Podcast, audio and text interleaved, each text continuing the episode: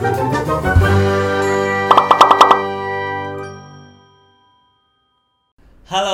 kawan Bema. Petra Nation yang lagi dengerin Popcorn Petra Podcast Corner. Yeay, jadi di sini kita ada special guest. Miss Melinda dan juga kita itu ada muka baru nih. Kita ada anak intern nih. Coba mungkin untuk Laura bisa perkenalan dulu nih pada kawan-kawan Bema. Hai kawan Bema, perkenalkan nama saya Laura dari jurusan IPDM angkatan 22. Nah, kita itu hari ini bakal bahas tentang International Women's Day ya kalau. Iya, benar banget. Nah, kita bahas ini bakal ditemenin sama Miss Melinda dari OIA. Mungkin kawan-kawan Bema kan masih belum kenal nih sama Miss Melinda. Mungkin Miss Melinda bisa perkenalan sedikit tuh ada kawan-kawan Bema nih. Oke, halo. Um, nama saya Melinda. Sebetulnya saya dosen di English for Creative Industry. Um, selain itu, saya juga diminta untuk membantu Kapetra sebagai director dari Office of Institutional Advancement. Itu adalah sebuah kantor pengembangan institusi. Begitu. Oke. Cukup cukup wis, cukup Cukup ya? wis. Iya, oh. Nah, kalau misalnya barusan ini kan International Women's Day kan, Miss. Nah, Kira-kira dari Miss kalau misalnya mendengar International Women's Day itu terpikir hal apa sih, Miss? Oh, kalau saya sih, em, bagi saya itu seperti sebetulnya ya, sebetulnya seperti Hari Perempuan yang jadi Hari Ibu di Indonesia. Oke. So, em, itu adalah satu momen di mana kita menselebrasi ya atau merayakan bagaimana perempuan itu ikut ambil bagian dalam kehidupan.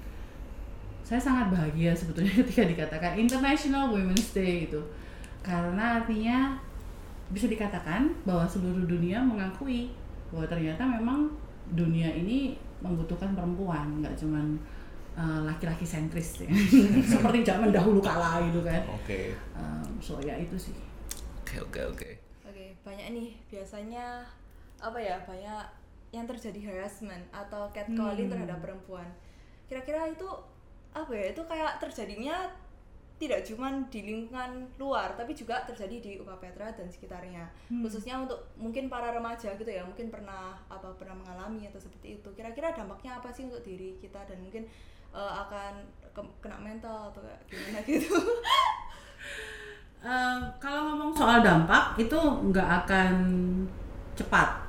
Eh, maksud saya begini, dampak yang paling ngeri daripada sebuah budaya yang menurut saya tidak baik atau tidak benar lebih tepatnya, itu jauh banget eh, efeknya. Dalam arti jauh itu adalah dia bisa berdurasi sangat panjang. Sebetulnya kita perlu melihat dulu catcalling ini atau harassment ini terjadi karena apa? Kalau bagi saya harassment dan catcalling terjadi karena ketidakmampuan manusia untuk menghargai sesamanya. Jadi seakan-akan yang di, dipanggil, di, dilecehkan itu adalah makhluk yang lebih rendah dari dia. Nah, menurut saya itu itu itu perlu sepakat dulu. Um, oh ya, saya bukan expert di bidang gender, tapi saya meng- mengatakan apa yang saya katakan hari ini di podcast ini sebagai perempuan yang hidup di Surabaya, di Indonesia, dan juga di beberapa negara lainnya. Um, memang perlu diakui bahwa di di negara sendiri ya, Hmm.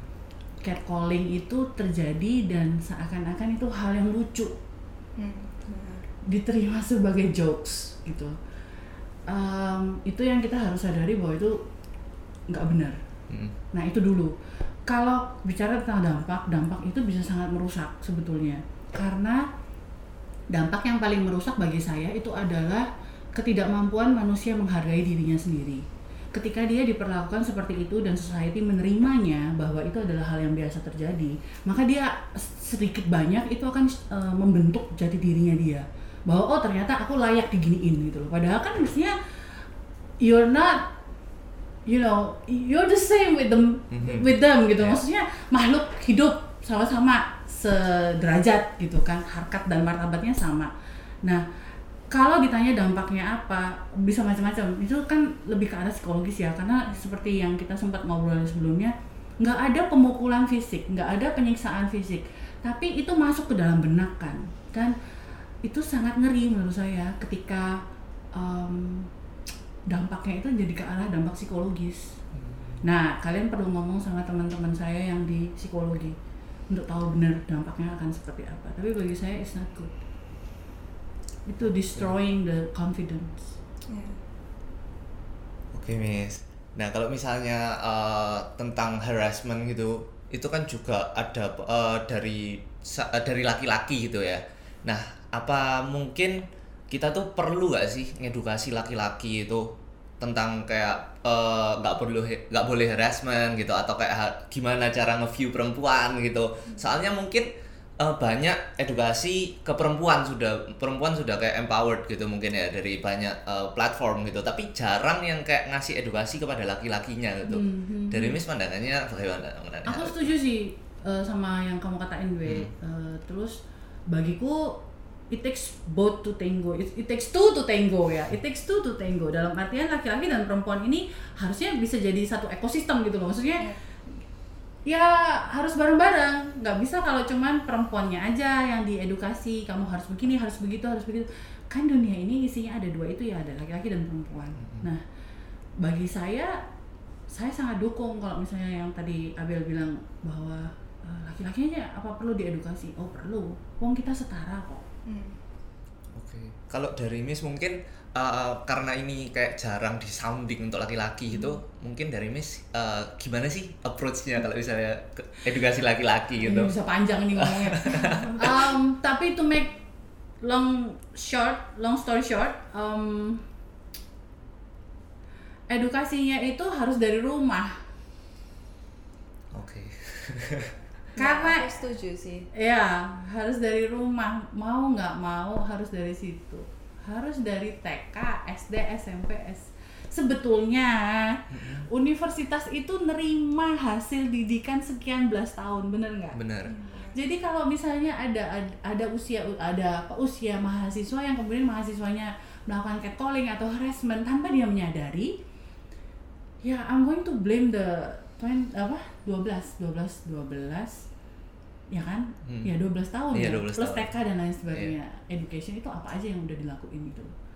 Jadi bagi saya mulai dari rumah, bagaimana figur ayah dilihat, bagaimana figur ibu dilihat, bagaimana mereka saling bisa bekerja sama. Bukan berarti oh ya udah ini kan kesetaraan. Eh, ngecat oh gitu enggak. It's not about that. It's more about what can we do to help each other. Lebih ke situ gitu loh. Kalau misalnya aku bisa, kenapa enggak aku bantuin kamu? Kalau kamu bisa, kenapa enggak kamu bantuin aku? Mungkin lebih ke situ ya approach-nya. Oke. Mungkin tadi ngomong-ngomong tentang lingkungan, lingkungan keluarga ya. Hmm. Pertama harus dari lingkungan keluarga. Kalau misalnya tidak mendapatkan itu dari lingkungan keluarga, Susah. susah. lah. Dan mungkin Sekolah, apakah- sekolah. Yang kedua, pelindungnya adalah sekolah. Terus sekolah ada temen. Kalau lingkungannya Nggak beres juga, Iya, nggak ya beres itu susah. juga. Makanya harus pilih sekolah yang bagus. Sekolah kan langsung iklan gitu. makanya sekolah di PC. Tapi bener karena kita kan makhluk sosial nih Mhm. ya pasti dong sedikit banyak itu kita akan melihat teman-teman kita perkara kemudian mempengaruhinya sejauh apa dan lain sebagainya itu urusan lain gitu tapi ya well, so- social being gitu gimana kamu nggak saling mempengaruhi gitu Iya. loh. nah itu sih nah lingkungan itu sangat penting bagi saya keluarga dulu kemudian em, sekolah itu bisa bantu sekolah bi- bisa bantu karena di situ saya masih percaya bahwa sekolah itu membentuk manusia masih percaya Oke. Eh, mungkin karena eh, yang sebelum-sebelumnya itu kan eh, Miss bilang kalau misalnya Yuni itu menerima produk dari 12 tahun Iya gitu kan? Miss ya. Tapi kan lebih loh oh lebih ya. 12 Tambah hidup Lebih- ya. iya, 17 lebih ya, sih, iya. 17. Nah, tambah TK belum Iya. TK 2 tahun 14 Iya. playgroup Oh iya, lain cerita. Tapi kan juga Miss bilang kalau sekolah sebenarnya bisa membantu. Hmm. Nah, mungkin dari eh, Petra mungkin apakah ada gitu eh, kayak tempat yang buat kita bisa curhat tentang hal ini gitu. UK Petra punya eh sorry PCU punya Oh, PCU. PCU. nanti, nanti diedit ya Iya. PCU punya to answer your question Oke. PCU punya kita punya yang namanya em, pusat konseling itu ada di gedung D lantai satu Em, saya yakin beberapa dari kalian juga udah tahu tentang hal itu karena mereka yang membantu untuk melakukan assessment ketika awal teman-teman masuk jadi uh, mahasiswa UK Petra. Yang kedua kita punya Pelma, pelayanan mahasiswa itu uh, ada pusat kerohanian juga, ada Pak Sam, ada Bu Evi. Kalian bisa coba datang ke mereka untuk misalnya uh, apa? Mungkin untuk ngobrol ya. Misalnya untuk ngobrol dan lain sebagainya. Gitu sih. Oke. Ini masih seputar pelecehan dikit, Des. Tapi ini Oh mungkin satu lagi, Hmm? dosen wali. Oh, dosen Oke. wali juga ya, Wis. Oke. wali. Petra itu, eh PCU itu beda. Kalian punya dosen wali, kalian eh, diajak ketemu tiap semester. Kalau kalian ada sesuatu dan lain hal, kalian bisa kontak dosen wali itu kapan pun, bener nggak? Asal jangan malam-malam kemudian di WA dan ya, ya you know lah, what I mean. Em, jadi gunakan itu gitu maksud saya. Kami dosen-dosen wali itu di- dilatih Hmm. untuk mampu mendengarkan mahasiswa. Oke. Gitu. Tapi sering kali susah nggak sih bu untuk kayak misalnya kayak telah merasakan kayak seksual itu itu kayak apa ya kayak susah gitu loh untuk cerita. Oh iya, exactly. Itu tidak mudah. Dan kadang yang terjadi adalah korban merasa dia yang bersalah. Iya benar. Karena aku, karena karena rokku pendek, Hmm. karena aku eh, ramah.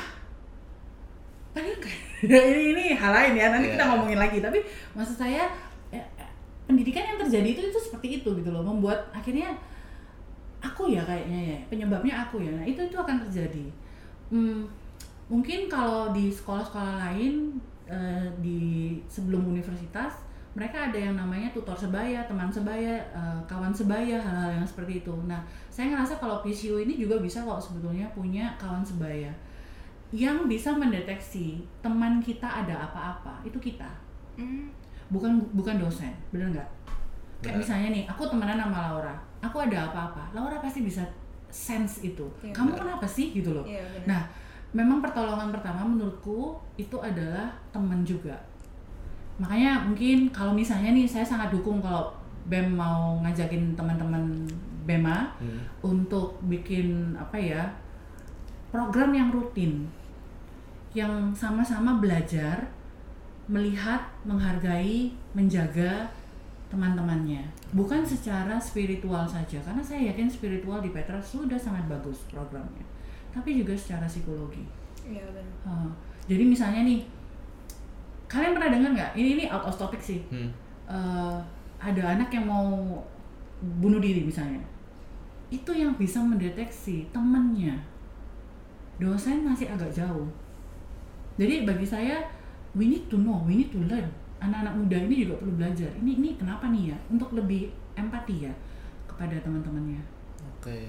mendeteksi itu loh. Iya. Oh, because it's not easy, it's not easy at all.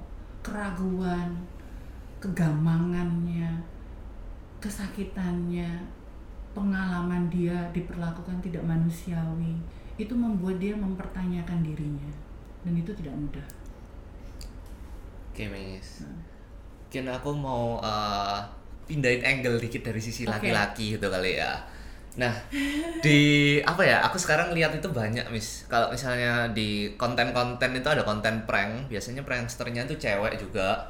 Itu menurutku itu lumayan harassment. Soalnya dia tuh kayak nempel-nempel gitu. Nah, terus laki-lakinya itu mungkin ke arah yang nggak tahu harus apa gitu. Dan dari society, aku lihat di komen-komennya itu juga tidak mengsalahkan hal tersebut gitu tambah ngomong, "Wih, lakinya menang banyak nih." gitu nih gitu gitu. Nah, mungkin eh, dari Miss eh, gimana sih tentang hal itu gitu. Em, kalau yang kasus itu menurutku itu lebih ke arah sejauh mana kita bisa melihat joke is a joke ya. Tapi sorry to say, ketika ngomong media sosial itu saya agak lumpuh sudah karena udah apa ya media sosial itu menciptakan banyak hal yang sampai ngerasa sa- yang bikin saya ngerasa ini enggak ini enggak bener ini mestinya tapi kok orang-orang bisa menikmati ini ya gitu loh Eh, it, it, it happens saya nggak saya nggak setuju dalam artian saya nggak setujunya adalah lebih ke arah saya tidak setuju hal-hal tersebut dijadikan bahan bercandaan. Hmm. Kecuali sekali lagi kembali kepada yang diperlakukan itu. Kalau misalnya saat ini kan konteksnya perempuan kepada laki-laki. Laki-lakinya ini accept that enggak? Dia bisa menerima itu, dia senang dengan hal itu apa enggak? Kalau dia nggak senang, berarti perempuan itu melakukan harassment dong dan. Karena sekali lagi itu kan unwanted attention jadinya. Oke. Nah itu loh batasnya itu loh dan dan nggak lucu emang bercandaan kayak gitu menurutku. Hanya ya itu yang seperti kamu bilang komentarnya kok kayak gini ya. Ya itulah masyarakat kita. Jadi Iya benar. Proses ya. ya Hmm. saya senang sih kalian mulai bicara cukup serius ya tentang hal ini. Saya berharap ini bisa jadi awal untuk satu hal yang lebih panjang ya. Ya, amin. Bukan panjang dalam artian membosankan enggak lebih arah ini dijadiin tren dong kan anak-anak muda itu paling pinter bikin tren mbok ya bikin tren yang Yang- positif iya, yang ya. beredukasi. Ah, ah. Betul, betul, betul, sih. betul. Oke. mbok ya oh ngerti ya Iya ngerti. Soalnya apa ya? Kayak mungkin orang-orang lebih sekarang nyarinya hiburan, lebih nggak cari yang konten-konten yang edukasi Hmm, apa. hmm, hmm. Dan ya cukup sulit ya untuk mendapat apa ya? Kayak mungkin orang-orang mikirnya edukasi di kayak YouTube kan YouTube kan tempat untuk hiburan gitu ya. Hmm, hmm, Mungkin hmm. mereka mikirnya ah ini terlalu berat Hmm, edukasi. hmm. Aku mau cari hiburan kok malah diajarin, malah Iya, digini-giniin. iya, iya. Jadi mungkin mereka lebih tercondong kayak ke ya yang itu yang, Yang lebih aneh-aneh. aneh ya itu. heeh. memang kalau yang satu itu TikTok itu saya sempat mau riset tentang itu Hmm. akhirnya setelah saya download dan saya lihat saya putuskan untuk erase TikTok dari handphone saya gak kuat aku Tapi ngeri loh itu TikTok iya itu betul, betul. nyandu bener Betul. Gak kuat saya Tapi kapan itu aku pernah dapat kayak saran dari Kojek. oke Kojek itu eh, kan tentang balancing entertainment sama edukasi mungkin ya. hmm, Itu kalau katanya Kojek juga kayak kita cari tengah-tengahnya. Jadi mungkin yang edukasi dikasih entertainment dikit biar Betul. bisa masuk ke anu Masuk akal. entertainment dikasih edukasi dikit Masuk gitu. akal. Jadi bisa lebih diterima gitu mungkin Hmm. sama masyarakat gitu pelan-pelan. Eh, edukasinya nggak bisa didaktik seperti yang kayak kita lakukan kalau yang kita lakukan ini kan memang benar-benar berdiskusi ya Betul. Iya. kalau ini buat taruh di TikTok nggak ada yang nonton gitu Betul. misalnya eh, saya suka ada beberapa brand yang apa beberapa influencer lebih tepatnya yang menurut saya menarik cara cara ngomongnya gitu Hmm. ada salah satu alumni kita juga yang eh, pernah tahu ini nggak sih Queen of Kentang ini nggak apa-apa ya sebut brand Enggak apa-apa. ini kalau apa-apa diedit aja ya. Iya. Bagi saya caranya dia berkomunikasi, apa yang dia lakukan itu menarik dan mengedukasi tapi tidak terasa mengedukasi. Gitu. Secara tidak langsung gitu ya, jadi kayak menghibur Iya. tapi juga mengedukasi yang baik. Hmm, di situlah peran anak-anak muda bisa sangat besar karena apa? Kalau orang-orang seumur saya ini kan udah masuk tua ya, itu kemampuan kreativitasnya itu menurun dengan signifikan bagi saya. Karena Oke. apa? Kebanyakan mikir ini nggak boleh, itu nggak boleh, ini kalau kayak gini gimana? Tapi anak-anak muda itu, aduh, kreatif, energetik, terus nggak capek kan? Kalian itu kan nggak nggak kenal sama yang namanya capek. Jarang aku lihat ada anak muda yang mudah capek. Iya. Jadi ketika kalian mau bikin sesuatu yang keren dan um, menginspirasi tanpa menggurui itu kansnya tuh besar banget gitu loh daripada dari aku misalnya ibaratnya si tante-tante ini bicara tentang sexual harassment siapa yang mau lihat gitu kan tapi coba misalnya kayak Laura Abel yang ngomong tentang Hmm. hal itu tapi dengan cerita dengan sesuatu yang kreatif Iya. People will accept that I think Oke. Gitu sih. Sebenarnya ini kita eh, podcast hari ini itu kita ada campaign kecil-kecilan, Mas. oh gitu Nah, kecil-kecilan itu dari bentuk dress code-nya kita. Iya. oh Nah, Laura pakai Oh, baju iya. biru, aku pakai baju pink, Miss. Heeh. Nah, karena kita tuh melihat kayak ada stigma-stigma di Kak, aku pakai masyarakat gitu. PCU ya Yeay. Oh iya. Nih logo Mantap. terbaru kita, guys. Iya. Kita harus kasih promosi ya Iya. untuk universitas kita PCU. Nah, itu karena standar-standar yang ada di masyarakat gitu kadang Hmm. buat laki-laki sama perempuan gitu. Menurut Miss bagaimana sih kita harus menanggapi eh, kayak stigma-stigma atau standar-standar yang ditetapkan ke laki-laki? Laki-laki harus apa, perempuan harus apa gitu. pada awalnya itu baik untuk mengetahui tanggung jawabnya. Lama kelamaan. Jadi gini, bagi saya, Oke. pendidikan awal itu kan lebih ke arah untuk kasih tahu kamu tuh laki-laki, kamu tuh perempuan. Emang beda. Dan ketika kita bicara tentang equality, kita nggak bicara equality, kita sudah geser ke equity sekarang kan, ke, lebih kesetaraan, fairness. Iya. Nah, dua role yang beda ini pertanyaannya adalah adil nggak? Kalau misalnya dua role yang beda ini tetap diperlakukan dengan adil, ya why not? Tapi kalau dua ini diperlakukan dengan aturan-aturan yang ada, kemudian diberikan kepada dua makhluk ciptaan Tuhan ini laki-laki dan perempuan untuk membuat mereka beda uh, posisi, beda, maksudnya beda strata. Nah itu kan nggak adil berarti udahan. Bukan berarti adil itu adalah kalau misalnya nih ya, hmm, kalian berdua lapar, laki-laki dan perempuan lapar. Kemudian uh, saya punya apel, saya kasih satu ke Abel, satu ke Laura. Misalnya nih, apakah itu adil? Adil, tapi misalnya Abel ternyata nggak bisa makan apel. Kalau makan apel bisa apa? Gatal Alergi. alergi. Ya. Heeh. Berarti kalau saya sudah tahu Abel nggak bisa melawan itu, saya nggak boleh dong kasih dia apel. Hmm. Saya harus kasih yang lain. Tapi apakah dengan makan hal yang lain itu Abel akan eh, apa namanya kenyang? Iya. Apakah saya sudah melakukan sebuah sesuatu keadilan? Iya. Bentuknya sama nggak? Hmm. Enggak. Jadi dilihatnya dari value-nya ya. Value-nya kalau menurut saya adil enggak. Misalnya nih, ada satu anak yang dia memang suka matematika. Dia belajar satu jam, udah bisa semua. Ada anak lain yang bagi dia matematika itu nggak masuk akal, karena dia nggak bisa lihat secara visual. Ah, Matematika kan sangat, sangat abstrak ya. Iya. Nah, apakah kemudian adil kalau saya ngasih waktu satu jam untuk dia belajar, satu jam untuk dia belajar? Enggak dong Iya. dia butuh waktu lebih. Nah, hal-hal seperti itu, itu yang disebut dengan equity. Gitu. Iya. Kalau kalau nggak eh, apa kalau tahu tentang equity itu tentang eh, International Women Day itu eh, logonya itu kan sekarang begini, embracing equity. Jadi kita mau embrace eh, fairness. Gitu. Oke. kita sering sih dengar kayak stigma stigma stigma terutama mungkin ya di keluarga. Soalnya aku dulu juga pernah mengalami itu kayak di keluarga jauh gitu.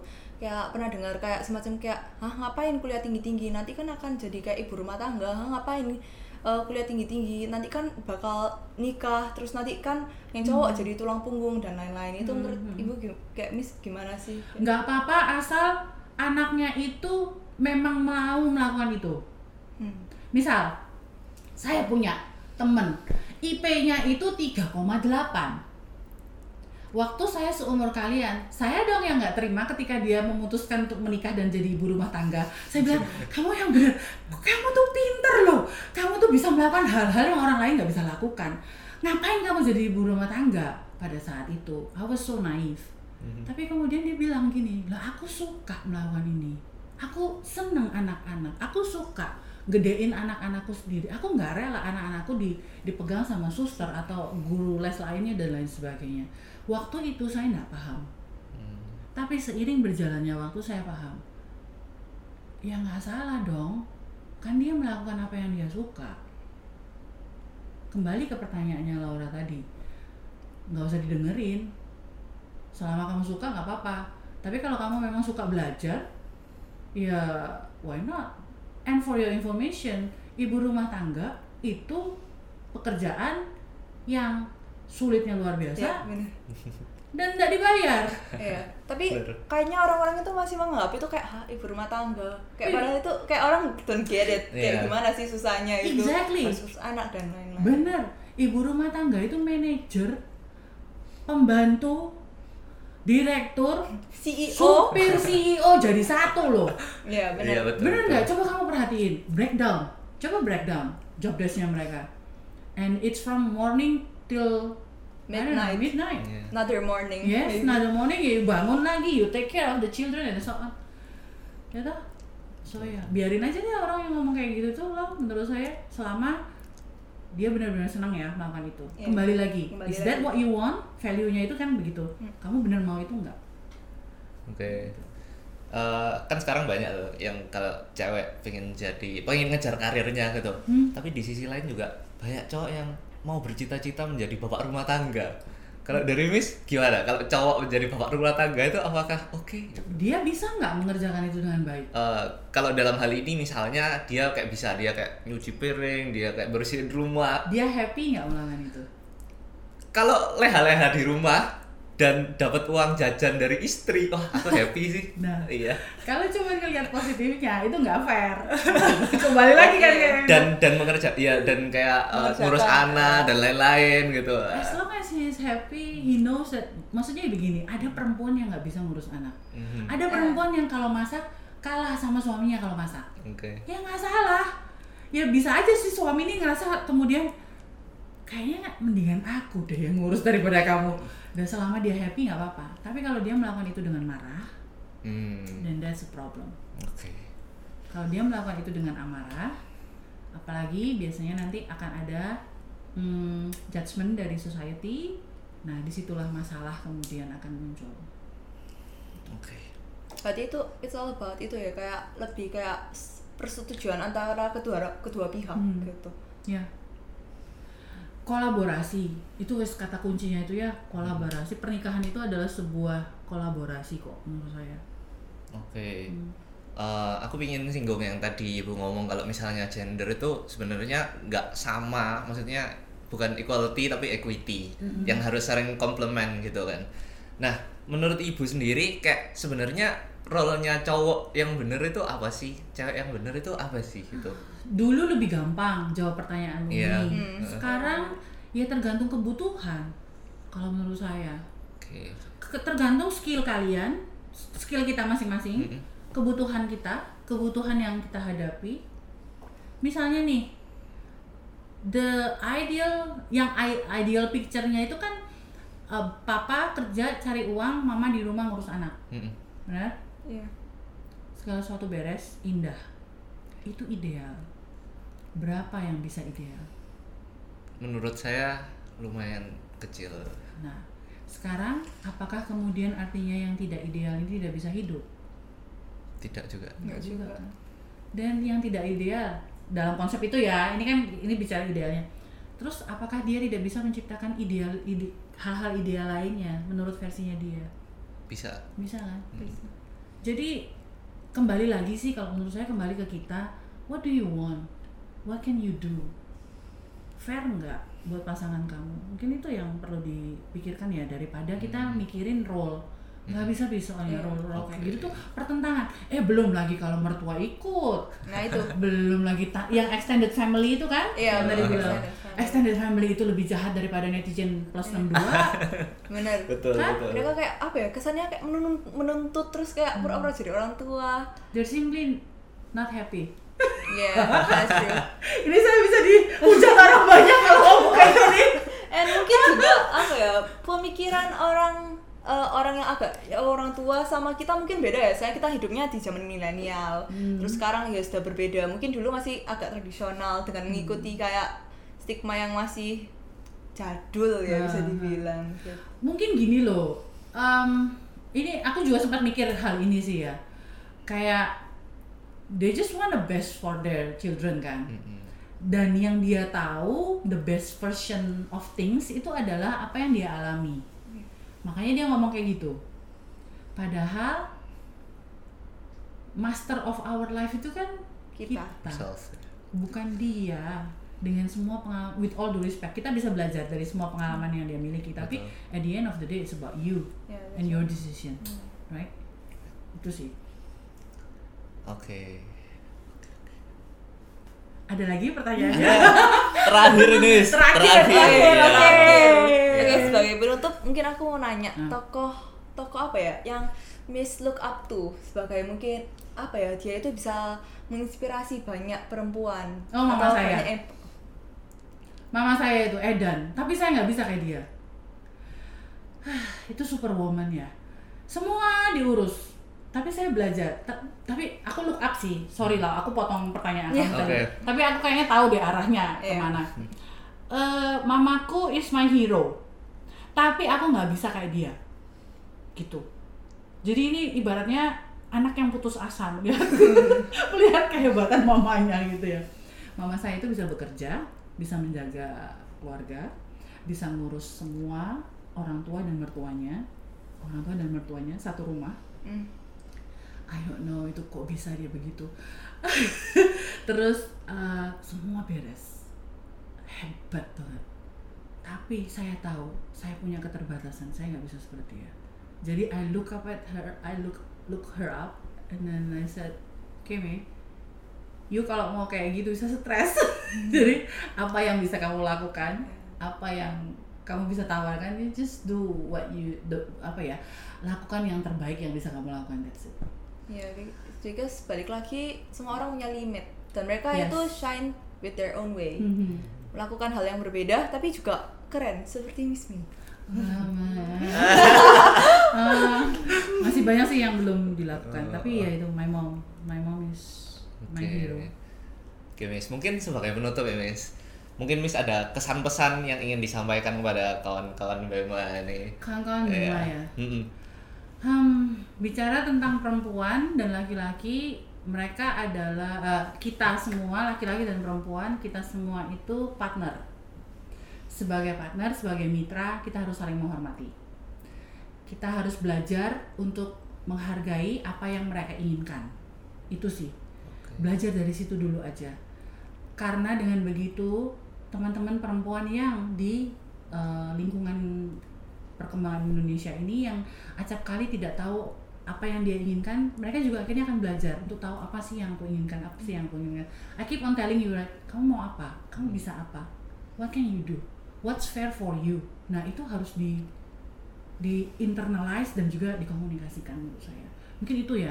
Jadi teman-teman perempuan jangan eh, takut untuk bermimpi, untuk tahu, untuk cari tahu kamu tuh hebatnya di mana, kamu tuh bisa apa, dan kamu mau apa itu paling penting.